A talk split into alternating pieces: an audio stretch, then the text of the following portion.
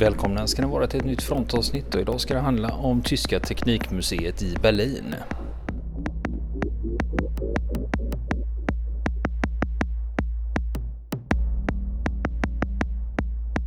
Och nu fortsätter fronten sitt besök på Teknikmuseet i Berlin.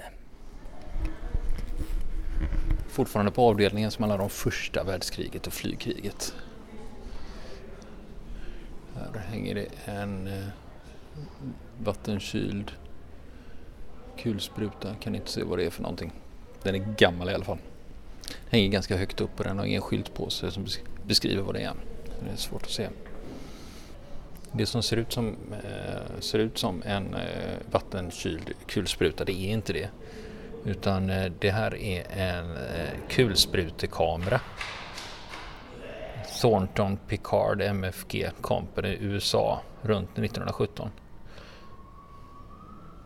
Och eh, kulsprutekamera den användes för, för träning av när man utbildade jaktpiloter. Och eh, då satte man i en filmremsa i kulsprutan istället för eh, ett bält, alltså ett band av, av patroner. Och när man trycker ner avtryckaren så aktiveras kameran och då fotograferar den. Alltså i en serie då. Och då kommer man använda det för att se hur bra någon sköt. Och det här är ju donation av Neil O'Connor från Princeton i USA. Det var ju han som hade skänkt Bölkes grejer också. Sen kommer vi in på hur man har bestyckat flygplanen. Under första världskriget så utvecklade man möjligheterna att beväpna flygplanen. Och det var under de första veckorna av kriget som flygplan faktiskt sköt mot varandra och då använde de pistoler. Eller också släpp, släppte de små metallpilar, alltså eh, flechetter. Eh, Jag ska prata mer om det sen. Och, granat, och så släppte man även granater på trupper på marken. Eh, man hade inte så bra precision då. Men så småningom så specialiserades jaktplan och bombplan och samtidigt som man utvecklade vapen man kunde ha ombord och samtidigt så förbättrades också möjligheten att sikta med dem. Och möjligheterna för stridsuppdrag ökade sakta eh, från och med eh, 1915. Och en av de viktigaste utvecklingarna när det gäller luftkriget för tyskarna det var att man tog fram ett system som synkroniserade propellen och kulsprutan. Och det gjorde att eh, eh, inga skott avlossades när ett propellerblad var framför pipan.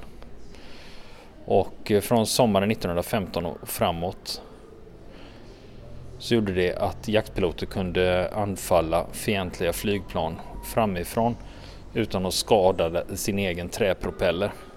För några månader tidigare så hade franska piloter redan löst det här och då gjorde man, eh, fransk, alltså, tyskarna gjorde så här att de synkroniserade kulsprutan och propellen så precis när propellerbladet inte var framför pipan då kunde det inte komma något skott.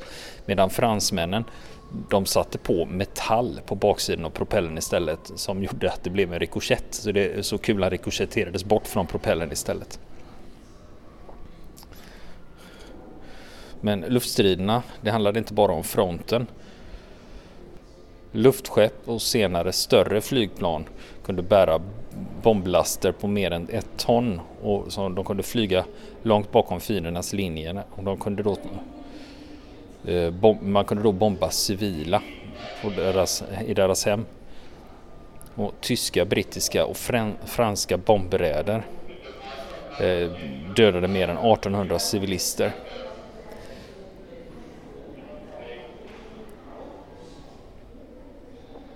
Och det här var början på en typ av luftstrid som skulle fortsätta under andra världskriget från 1939 och framåt. Och det var först då man utvecklade dess fulla potential.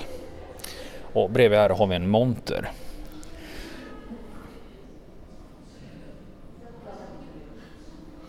Här har vi, eh, här har vi lite beväpningar som flygplan har haft. Eh, bland annat har vi något som heter Wurfgranate. Det är Wurfgranate 15, alltså Wurfgranat 15 Ja, och den här granaten kallades då för flygande musen. och den kastade man ner i skyttegravar när man flög och gjorde anfall på låg höjd. Och sen har vi också en flygbomb här. Det står inte så mycket om den mer än att den är tillverkad i Tyskland 1917. Den är ungefär, ja, det är ungefär som man föreställer sig hur en bomb ska se ut. Den är ungefär 50 cm lång, har fyra fenor längst bak. Och i metall såklart. Eh, sen har vi ju en helt annan sak eh, som jag sa jag skulle återkomma till och det är det här med flechetter. Flechetter är metallpilar som är konstruerade på lite olika sätt och när man släppte dem från flygplan så kom de upp i ganska hög hastighet och eh, kunde då penetrera ganska tjocka mål. Och det här med flechetter, det är alltså något som har använts bland annat i olika typer av splitterbomber, bland annat Eh, USA använde sig av det i Vietnam. Där hade man flechettbomber bland annat. Som då skickade ut pilar då. Och det orsakar ganska fula skador. Och det här med flechetter, de här pilarna. På tyska heter det Fliegerpfeile, alltså flygpilar skulle man kunna. Blir det ju direkt översatt då. Jag har ju bara sett flechetter på bild förut. Jag har ju faktiskt inte sett dem. På riktigt. Och sen har vi också en handgranat här då. Och den är också skänkt av Neil Conner från Princeton i USA. Men, eh, och den är 1918 års modell. Och det är den här klassiska eh, tyska handgranaten då. Och sen har vi också en eh, kulspruta. Och eh, det är Parabellum, det är en tysk från 1917. Under första världskriget eh, kulsprutor användes i flygplan eh, för första gången. Och den här lättviktiga, den här, den här lättviktiga Parabellum installerades i flygplan så att den gick att röra på. Och alltså om man tittar, om man är intresserad av hur kulsprutor ser ut. Alltså, eh, eh, om man tänker sig att den har en pipa som är ungefär 50 cm med lite eh, lufthål i förkylningen. Sen har man en ganska fyrkantig låda och sen en kolv och ett pistolhandtag och en avtryckare på det. Så man ser att Eh, Eh, om man tänker på kulsprutans utveckling så har det inte förändrats så hemskt mycket. På hundra år ska jag kunna säga. Sen har vi en Parabellum pistol 08 också. Och pistolen eh, Parabellum 08 eller Lugipistolen var standard, standardvapen från den tyska armén under första världskriget. Det användes i allmänhet av, det användes särskilt av eh, de flygande trupperna i början av kriget. Lugipistol 08 den hade en lång pipa, ett trummagasin och en, eh, och en löstagbar stock med ett hölster. Och det är en sån som det hänger här. Man, tänker sig, man vet ju hur en luger ser ut. Då. Här är det då med längre pipa och en trästock som går att ta bort. Och ett runt trummagasin som sticker ut ur pistolkolven. Hur ska man bete sig under ett flyganfall då? Jo, här har vi en affisch, eh, en tysk affisch från 1916. Eh, det, på den står det Vi förhalte ich mich bei Fliegergefahr. Ja, hur ska jag bete mig vid flygfara? Betyder det egentligen. Man ska bort från fönstren och eh, man ska inte stå på öppna gator. Inte rakt innanför dörren till huset. Och panik är värre än flygangrepp, det vill säga här har de en illustration av folk som ska försöka ta sig ner i en källare och håller på att trampa ner varandra. Och man ska inte stå i mitten av rummet heller.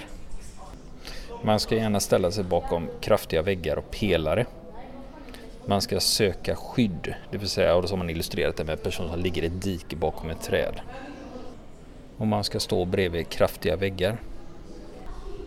Ja, redan 1916 hade man listat ut det där hur man skulle bete sig vid ett flyganfall. Sen är man teknikintresserad så finns det ju montrar med lite teknik från det tidiga flyget. Eh, ja, som ett eh, säkerhetsbälte, en eh, bränslemätare, en varvtalsmätare, kompass och en ratt från ett flygplan. Styrratt. Flugzeugsteuerart. Höjdmätare finns det också. Och även en syreapparat från 1917. Och det, det, det är nämligen så de beskriver det. Står syreapparat här. Och eh, den är tysk från 1917 med en eh, liten manometer på och eh, så man kan se hur mycket eh, luft eller syre det är i tanken då. Sen har vi en eh, eh, flygsimulator här. Den är modern i och för sig ser jag. Eh, det är en eh, modern flygpanel. Och man ska ha en uppvisning här klockan 11 och en, eh, en uppvisning klockan 12. Och den är från Boeing den här. Eh, den här simulatorn som är här, den är från Boeing. Och den skänktes i samband med Boeings 100-årsjubileum 2016. Här har vi ett flygplan som man har plockat ner. Eh, eh, nu blir jag lite ställd där faktiskt. Eh, det här var lite häftigt för att här står det en Arado AR96. Men här står jag alltså bredvid en Arado och där har man plockat bort plåtar på den för att visa hur den ser ut inuti. dem. Det tyska skolflygplanet Arado AR96 var verkligen ett teknologisprång när det gällde hur man byggde flygplan på 30-talet. Det är helt i metall och en stängd kabin. Och den eh, tillverkades från 1936. Med ungefär 3400 exemplar så var AR-96 en av de vanligaste flygplanen. De var byggda i Tyskland. Fortsatte byggas eh, från 1948 i Tjeckoslovakien. Eh, de skriver bland annat här att det finns en AR-96 som står på Sola i Norge, alltså det norska flygmuseet. Där har man en AR-96. De har, eh, de har plockat ner, eh, de har plockat, plockat bort plåtar på den här AR-96 så man kan ju se inuti hur den är konstruerad då. När det gäller fackverkskonstruktionen och hur vingarna är byggda. Och sen också hur styrningen fungerar med stålvajrar. Då. Den här utställda AR96 som står här den eh, är, eh, den är, det är ett hopplock av flera olika eh, flygvrak. Olika vrak och flygplan. Till exempel tank, motor, roder. Och det som är lite spännande här det är att den här AR96 som står här den land, delar av den kommer från en B1, en AR96 B1 och den landade i Sverige 1944 och skrotades 1954. Och delar från den är den som man har byggt ihop här då. Det är bland annat flygplansentusiaster i hela Europa som har varit med och samlat ihop delar för att man ska kunna få ihop en AR96 här. Intressant. Men det hade varit roligt om det hade varit en helt komplett AR96 från början. Men tänk dig då 3400 exemplar så är det inte så mycket kvar. Det är ju tråkigt. Här har vi också eh, en väldigt, väldigt intressant sak som bara flygnördar faktiskt förstår att eh, ja, vett att uppskatta. Det är nämligen så här att det som eh, står här det ser ut som en liten, liten cockpit. Nästan ut som den är insatt i en radiobil. Den är ungefär två meter lång och en meter bred och så har man en stol i, en styrspak och lite instrument och grejer. Och det här är en, vad man kallar för en Link Trainer. Det är alltså en väldigt, väldigt simpel flygsimulator. Eh, eh, och den var tillverkad i USA. Och det räknas som den första flygsimulatorn för då är det det när du drar den spaken framåt så vickar den framåt och när du drar den till vänster så vickar den vänster. Och det är alltså Air Trainer Ja, då får man se om man får gå upp här. Det får man kanske inte. Så att man inte får röra den. Men eh, Link-trainern är faktiskt eh, lite legendarisk. Flygsammanhang, man kan kalla det den första flygsimulatorn. Man kanske har beskriver det här också. När det gäller. Och det var 1929 så utvecklades den här av amerikanen Edwin Link och det var för att öva eh, instrumentflygning. Och den här, eh, och den här Link-trainen som står här då, det var Lufthansa som hade köpt in den. Eh, Lufthansa köpte den här Link-trainen. Det tillverkades 10 000 av dem. Och eh, den här som står här den köptes av Lufthansa från Berlins flygskola. Och 2005 så skänktes den då till Teknikmuseet här då. Den är faktiskt den är skänkt av Ardex flygskola på Berlin-Steglitz. Så det är därifrån den kommer. Sen har vi ju lite modernare flyggrejer här. Här har vi eh, flygmotorer. Ska vi se vad det är för någonting. Det här är en flygmotor BMW 003. Under andra halvan av 30-talet så började den tyska firman Stahltriebwerke att utveckla den här motorn. De här nya motorerna som kunde ge hastigheter över 700 km i timmen. Det var ju att de skulle då vara mycket bättre än eh, kolvmotorerna. Och det här med att utveckla jetmotorer, det var ju ingen som hade gett sig på det här före. För, eh, tid, det är ingen som hade gett sig på det här tidigare.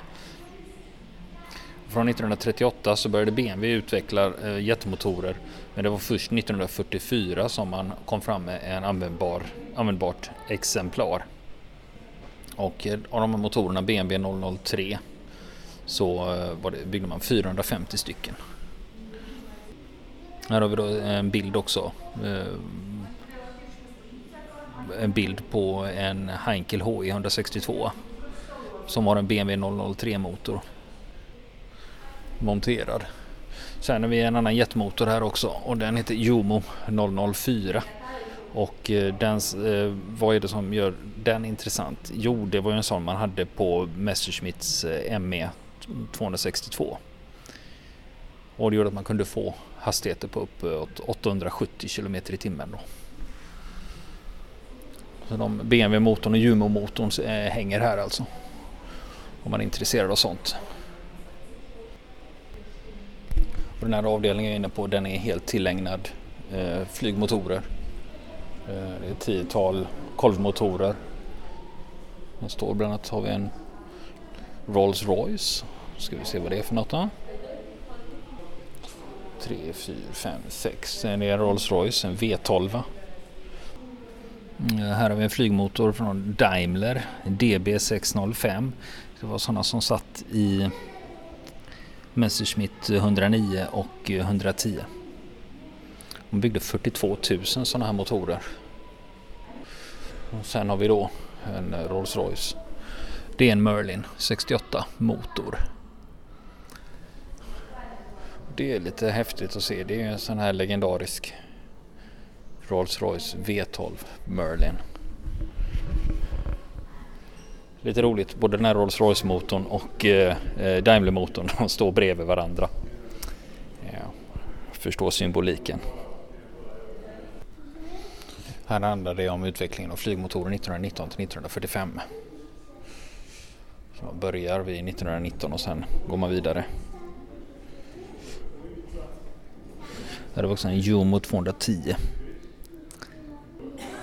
och eh, den här Jumo 210G som den heter.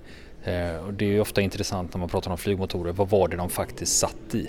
Och den här motorn som är i oklanderligt skick, det ser ut som det är nyskick, eh, helt otroligt skick. Eh, den satt ju i Junkers 87, alltså Stuka. Så vill man se en riktig Stuka-motor så får man åka till Teknikmuseet i Berlin. och det är en V12. Sen har vi också äldre flygmotorer. En del av de äldsta de ser ut som eh, eh, ser ut som motorcykelmotorer. Här kommer vi in på något intressant.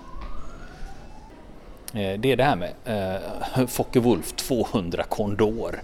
Det är ju så att eh, det finns ju inga exemplar kvar men i maj 1999 eh, då fick de tag på en bärgad Focke-Wulf 200 Condor. Och den här var ju svårt skadad och den föll i bitar när man skulle bärga den. Jag menar, du säger att du fick den här 1999 och eh, den kom ju från en norsk fjord. Det var då man lyckades bärga den, det är därifrån den kommer. Men de säger att det går framåt man har ett eh, eh däck, ett landningsdäck och så har man då möjlighet att skänka pengar och då står det rädd, eh, rädda den sista Focke-Wulf 200 Condor. Så då kan man då skänka pengar till den utvecklingen. Sen har vi en, en del här, det här ser ju väldigt slitet ut men det är alltså en plåt från Focke-Wulf 200 Condor som sitter här. Och eh, nu ska vi se också, man har en instrumentpanel och det är från 200 också. Och den här är nybyggd då fast med originaldelar. Och eh, det är från eh, eh den här panelen är ju inte komplett ännu utan man sätter i originaldelar från Focke-Wulf Condoren och så får man fylla på efterhand då. Och 2006 fick man den här. Ja, vi får se hur det går med deras 200 Condor. Och den var ju var ett stort flygplan, det var ju fyrmotorigt och eh, rejält plan. Sen här har vi ett eh, landningsställ från Condoren. Det är en som har legat i en norsk fjord då. Legat där och goat till sig. För eh, det är intressant att man har två landningsställ från Condoren. Eh, och ett som antagligen då är restaurerat för det ser ju ut, ut att vara helt i nyskick. Och sen har vi ett då som har legat på havsbotten då eller på fjordens botten och rostat då.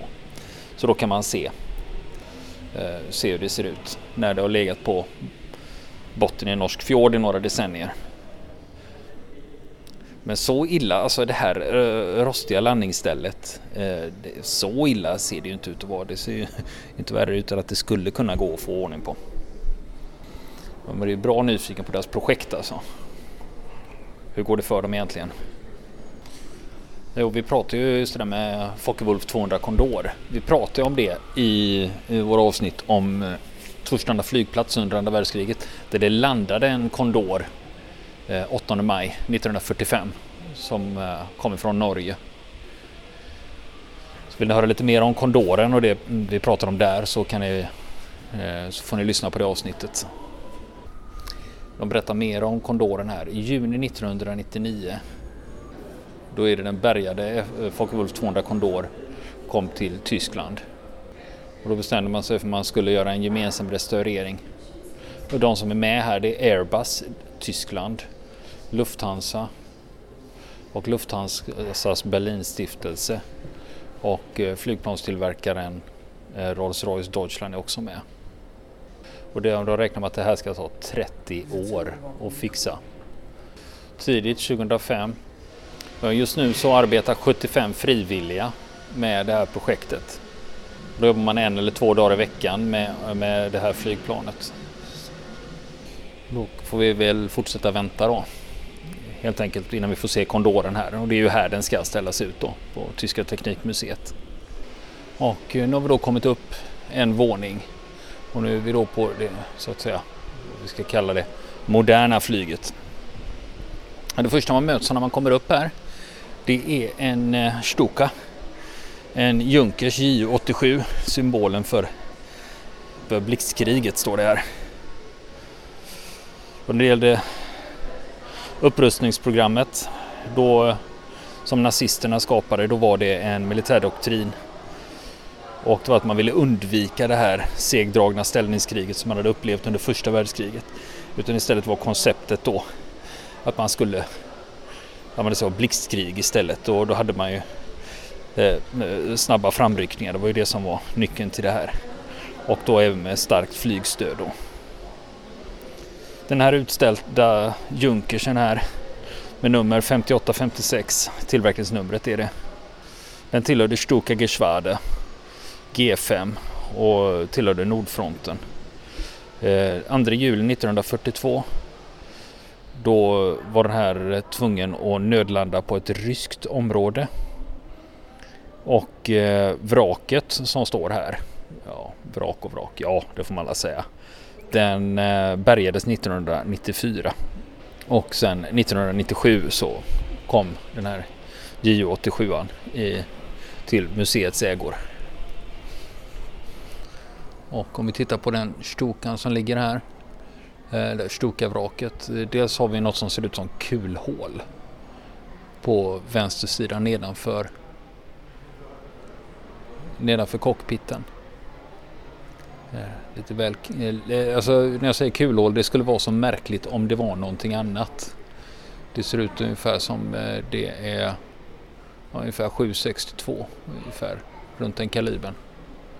Sen så har vi något längre fram som också ser ut som splitterhål. Det ser ut som splitter som har slagit in. Mm. Nu är det så med den Stukan som står där, den saknar ju faktiskt eh, fronten.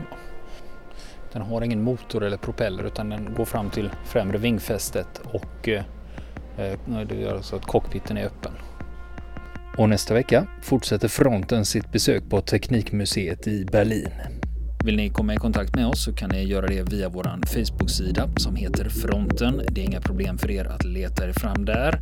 Eller också så mejlar ni på vår mejladress och det är frontenpodcastgmail.com.